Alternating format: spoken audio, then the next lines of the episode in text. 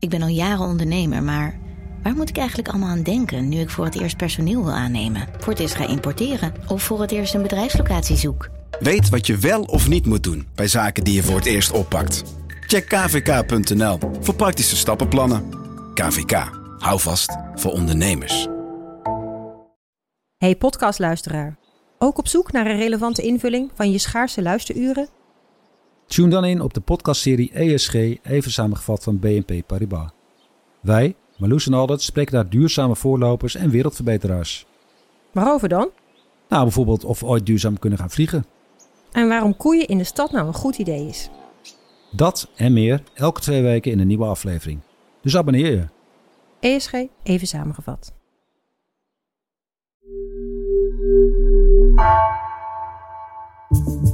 Vanaf de redactie van NRC het verhaal van vandaag. Mijn naam is Thomas Ruip.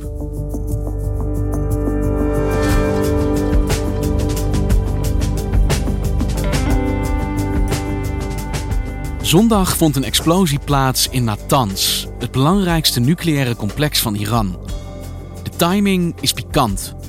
Juist nu de VS en Iran voor het eerst in tijden weer toenadering zoeken voor een nieuw nucleair akkoord. Er lijkt sprake van een doelgerichte aanval, constateert Midden-Oosten-correspondent Floris van Straten. En alle vingers wijzen naar Israël.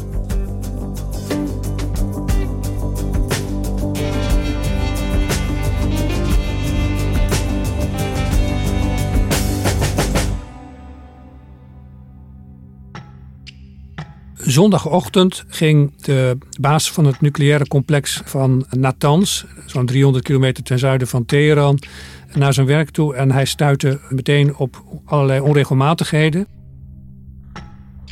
Er bleek een storing te zijn, en met name in het elektriciteitsnetwerk van het complex. En toen hij zelf dat ging bekijken, bleek dat er enorme schade was aangericht. Toen hij daar naar binnen ging, donderde er meteen een stuk uh, plafond naar beneden. En toen hij een paar stappen deed, viel hij zelf onmiddellijk daarna in een gat van 7 meter diepte, waarbij hij zijn enkel brak.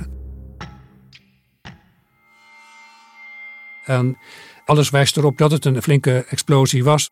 Maar een explosie in een nucleair complex, dat lijkt me reden voor blinde paniek. Nou, tot nu toe is er wat dat betreft misschien toch minder reden voor paniek dan je zou denken. Er zijn geen berichten tot dusver dat er nucleaire straling is vrijgekomen. Dus dit is niet de Iraanse Tsjernobyl? Nee, daar wijst eigenlijk niks op. De materiële schade is wel zeer aanzienlijk. En ja, Amerikaanse deskundigen die uh, zeiden de indruk te hebben dat toch wel minstens voor negen maanden het complex uit uh, de roulatie zou zijn. Want Floris, wat is hier nou gebeurd? Nou, we weten het nog steeds niet precies. Eerst werd er gedacht dat het om een vrij eenvoudig ongeluk ging, een storing.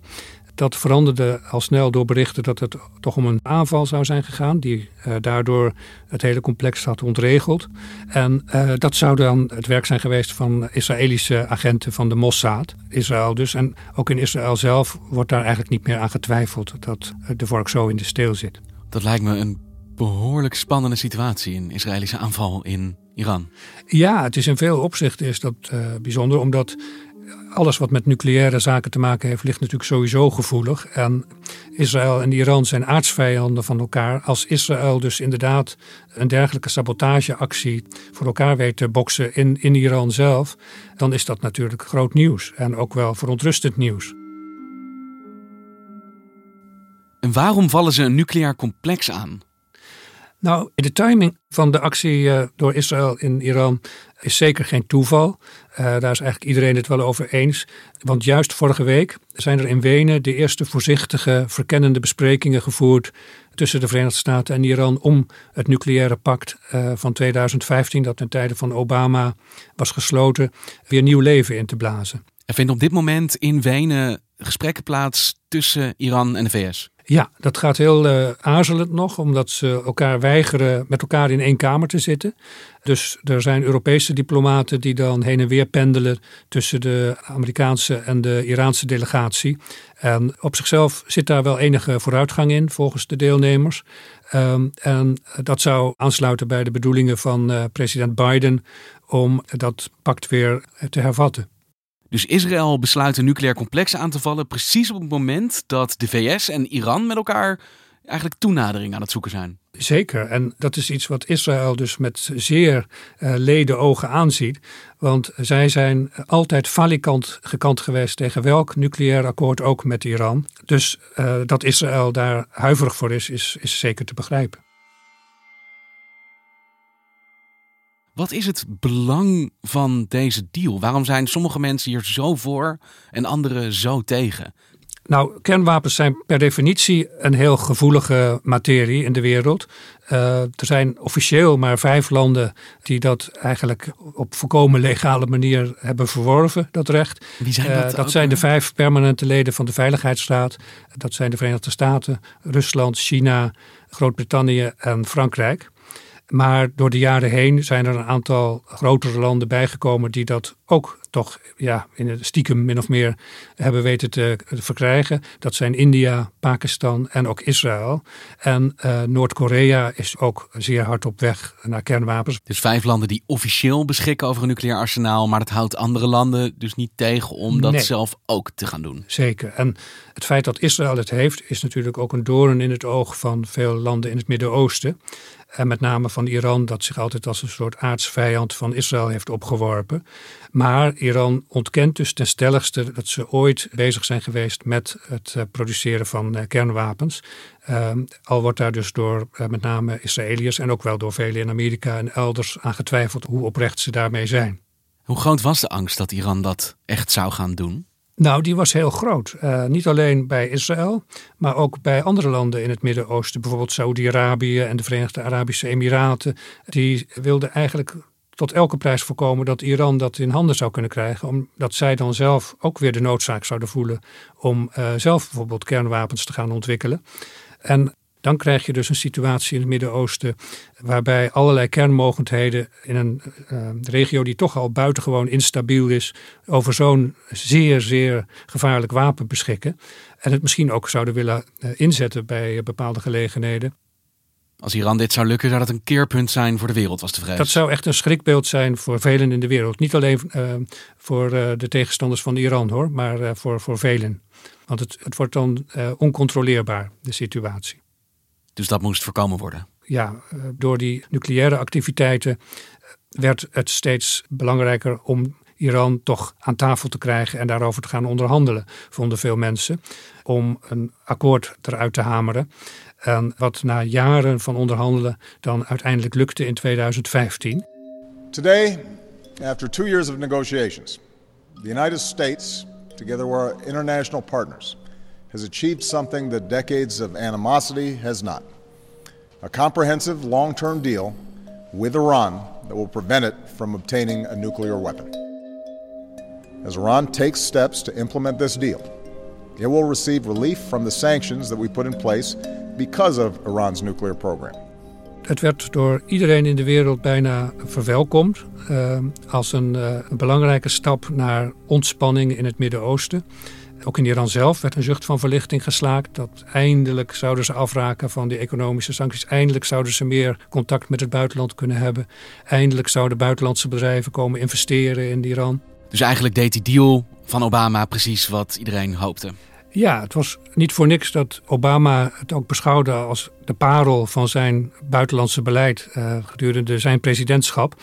En iedereen hield al zijn hart vast toen Trump zich uh, kandidaat stelde. En uh, hij was iemand die altijd al had gehamerd op de onwenselijkheid van zo'n deal met Iran. This is one of the worst deals ever made by any country in history. Toen hij eenmaal gekozen was als president, uh, hield men er dus al ernstig rekening mee dat het wat dat betreft over een heel andere boeg zou worden gegooid. No action taken by the regime has been more dangerous than its pursuit of nuclear weapons. En inderdaad, in uh, het voorjaar van 2018 heeft hij dus eenzijdig de Amerikanen teruggetrokken uit dat akkoord. I am announcing today that the United States will withdraw from the Iran nuclear deal. Waardoor uh, plotseling de spanning enorm toenam. En uh, Trump voegde daar nog een hele uh, pakket aan nieuwe sancties aan toe. En bovendien was het gevolg dat Iran na enig aarzelen en afwachten, besloot om dan ook zich niet meer aan de beperkingen te houden waaraan zij waren gebonden met hun nucleaire activiteiten.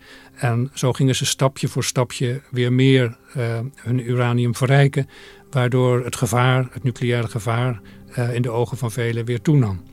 Dus met het te graven dragen van die deal kwam ook die oude gevreesde spanning weer terug in de wereld. Ja. Daar ging de deal. Daar ging de deal, zeker.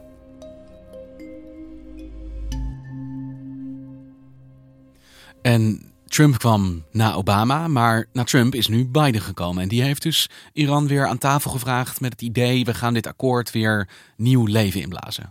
Ja, dat is ook nog vrij moeizaam begonnen hoor. Maar op papier is het best denkbaar dat beide bijvoorbeeld uh, besluiten om stapsgewijs wat minder sancties, stapsgewijs wat minder uraniumverrijking, uh, om dat synchroon te laten lopen en dan terug te gaan naar het akkoord. Maar zover zijn ze nog niet. En waarom is deze deal voor Joe Biden, voor de VS op dit moment zo belangrijk om dat nu te sluiten? Nou, Biden denkt dat hij daarmee toch de stabiliteit in het Midden-Oosten uh, helpt. Hij is ook, dat speelt ook in zijn achterhoofd mee, bevreesd dat als je Iran te hard aanpakt, dat je het dan eigenlijk helemaal in de armen drijft van vooral China en ook Rusland. En uh, de, de spanningen die er zijn gerezen tussen de Verenigde Staten, China en Rusland, geven wat dat betreft Iran ook juist iets meer speelruimte dan ze misschien hadden een paar jaar geleden. En Israël kijkt hiernaar en denkt: wij moeten dit voorkomen. Israël denkt: uh, wij geloven absoluut niets uh, in welk akkoord ook met Iran. De Iraniërs zijn gewoon niet te vertrouwen. En zal ook proberen, zoals nu gebleken is deze week, om de besprekingen in Wenen zoveel mogelijk te hinderen. Want dat is wat ze proberen te doen, deze gesprekken frustreren. Ja, ze zijn uh, uh, daar eigenlijk al meteen na Bidens aantreden ook mee begonnen. So we begin with the breaking news from Iran, and the scientist believed to be at the very heart of the country's nuclear program has been killed in an attack east of the capital Tehran. Volgens inlichtingendiensten is die man het brein achter het Iraanse nucleaire programma. En Iran verdenkt Israël en spreekt van staatsterreur. En vervolgens is er vorige week ook nog een uh, Iraans schip door Israël uh, uh, aangevallen. Israël heeft eigenlijk op allerlei manieren geprobeerd de zaken te frustreren. En, maar doet daar ook niet geheimzinnig over.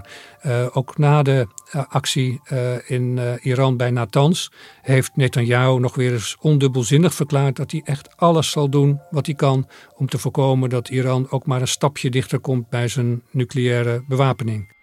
My policy as Prime Minister of Israel is clear.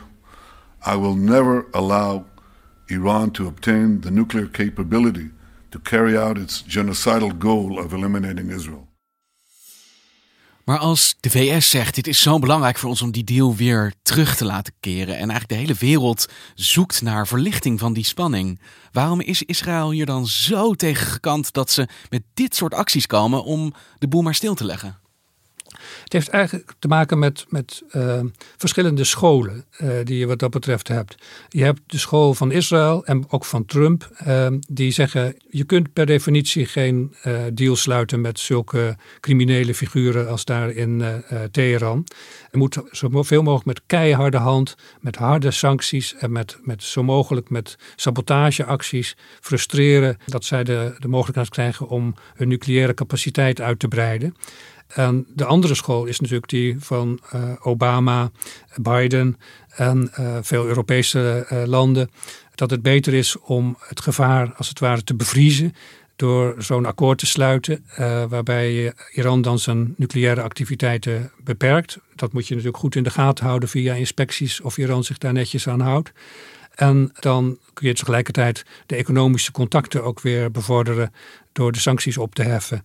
En uh, ook in die zin goodwill over en weer kweken. Maar het klinkt dus eigenlijk alsof het op vertrouwen aankomt. Je hebt dus de tweede school die zegt, nou je, je moet proberen dit regime te vertrouwen. Maar die lijken op een bepaalde manier wel gelijk te krijgen als jij zelf zegt dat Iran zich in eerste instantie aan alle voorwaarden van die deal hield. Ja, de, ik moet er wel nog bij zeggen dat uh, het verdrag, uh, daar kan je wel degelijk kritiek op hebben. En dat had de Trump en anderen dan ook natuurlijk. Het is namelijk dat Iran kans heeft gezien om zijn invloed in Irak, in Syrië En ook in Libanon en tot op zekere hoogte in Jemen enorm uit te breiden de afgelopen twintig jaar. En het heeft bovendien vrij verfijnde raketten, waarmee het dus soms ook buurstaten bestookt dat is allemaal ook natuurlijk heel onprettig voor uh, mensen die het Midden-Oosten een beetje vrij willen houden van Iraanse invloeden. Israël zegt ja, prima, ze kunnen zich houden misschien aan de afspraken van die nucleaire deal, maar kijken wat ze verder nog allemaal doen. Daar moet je geen afspraken mee willen maken. Dat zeker, dat is hun, hun standpunt. Maar de VS en Israël kijken nu naar precies dezelfde situatie en constateren hetzelfde gevaar, namelijk een te machtig Iran. Maar hun oplossingen erop zijn fundamenteel anders. Hoe sta jij daarin als Midden-Oosten-redacteur? Wie heeft hier gelijk? Nou, het is, het, het is bepaald niet de ideale oplossing. Maar als je kijkt naar uh, hoe het zou zijn zonder zo'n deal. En als die gewoon in de prullenmand zou worden gegooid verder. Dan heb je toch een veel instabieler en veel gevaarlijker Midden-Oosten nog. En stel dat Iran dan inderdaad uh, zijn uranium verder zou gaan verrijken, zoals ze ook nu hebben gezegd, hè, dat ze het willen verrijken tot 60 procent. Wat al een aardige stap is richting de 90 procent die je nodig hebt voor, uh, voor kernbewapening. En uh, dan zou waarschijnlijk Saoedi-Arabië ook weer extra inspanningen zich gaan getroosten om ook kernwapens in bezit te krijgen. En Israël laat er niets aan gelegen liggen, schuwt geen middel, lijkt het, om deze deal te voorkomen. Heeft dat effect? Hebben die aanvallen die ze uitvoeren inderdaad het effect dat ze hopen? Um, ja en nee, zou je bijna zeggen. Um, uh, op korte termijn is het heel effectief natuurlijk. Uh, er zijn volgens Iraanse bronnen duizenden turbines verwoest in die aanval op uh, Natanz van afgelopen zondag. Maar net zo vrolijk roepen de Iraniërs nu weer: wij gaan duizend nieuwe, nog snellere turbines installeren. En dan gaan we daarmee dat uranium dus nog sneller verrijken. En in elk geval tot die 60 procent. En dan zien we wel weer verder. Intensiveren hun programma juist in reactie op die aanvallen? Ja, ja vooralsnog wel. En dat is natuurlijk slecht nieuws voor die besprekingen in Wenen. Veel mensen veel denken dat, en ik, ik hoor ook wel een beetje tot die school, die denken dat Iran niet eens zozeer uit is op die kernwapens, maar het vooral gebruikt als een pressiemiddel om uh, op andere vlakken concessies uh, af te dwingen. Uh, met name op economisch terrein en zo. En Iran heeft ook aldoor onderstreept dat wat hem betreft die stapsgewijze toename ook weer kan worden afgebouwd. Maar daar moet wel wat tegenover staan. Maar Joe Biden moet op dit moment toch balen als een stekker. Hij hecht zoveel waarde aan deze onderhandelingen en dan heb je een bondgenoot, Israël, die hem ondermijnt op deze manier. Zeker, nee, het, is, het is heel goed denkbaar dat er achter de schermen uh, keiharde kritiek ook nu komt. Tegelijk uh, zal die zich er wel voor hoeden om al te veel afstand van Israël te nemen. Want Israël blijft een, een in, Israël, in Amerikaanse ogen cruciale bondgenoot in het uh, Midden-Oosten. Uh, dat zal, zullen ze niet gauw gaan verbreken. En Biden heeft ook nog geen enkele aanwijzing gegeven dat hij sommige stappen die Trump heeft genomen gaat terugdraaien. Zoals bijvoorbeeld het verplaatsen van de ambassade naar Jeruzalem en nog zo wat dingen. Dat heeft hij niet teruggedraaid. Ook al was daar wel kritiek op eerst. Dus Israël heeft ook best wel wat speelruimte om dit te ondernemen, ook al willen de VS dat eigenlijk niet. Zeker. En Israël neemt de maximale speelruimte die ze hebben. Want zij, dit, dit is, zij zien dit echt als van levensbelang voor hun eigen land. De, de veiligheid van Israël staat daarmee op het spel. En uh, daar willen ze geen risico's mee nemen. Maar het zijn best wel heftige spanningen eigenlijk tegen het decor van gesprekken die juist bedoeld zijn om die spanningen te laten afnemen. Maar een van die twee scholen, de harde of de zachtere, kan winnen. En wie gaat dan hier zijn zin krijgen? Het is uh, nog heel onzeker uh, hoe de afloop zal zijn van deze strijd tussen deze twee scholen. Ik zou mijn hand er ook niet voor in het vuur willen steken dat er weer een nieuwe deal uh, komt in Wenen. Maar ik denk dat de wereld daar toch net iets meer mee gebaat is dan met voortzetting van de Israëlische harde aanpak, die toch ook wel heel veel risico's in zich herbergt. Een van de twee scholen kan winnen en we moeten nog maar zien wie dat wordt. Zeker, ja. Dankjewel, Floris. Graag gedaan.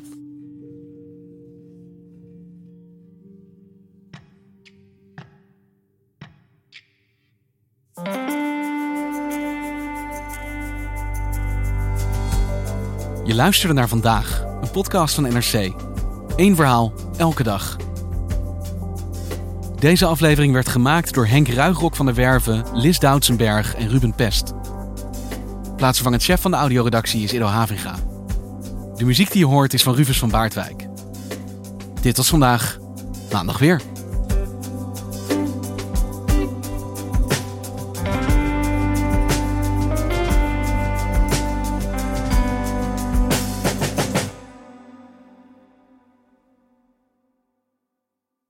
Technologie lijkt tegenwoordig het antwoord op iedere uitdaging. Bij PwC zien we dit anders. Als we de potentie van technologie willen benutten, kunnen we niet zonder een menselijk perspectief. Human-led, tech-powered noemen we dat. Ga naar pwc.nl.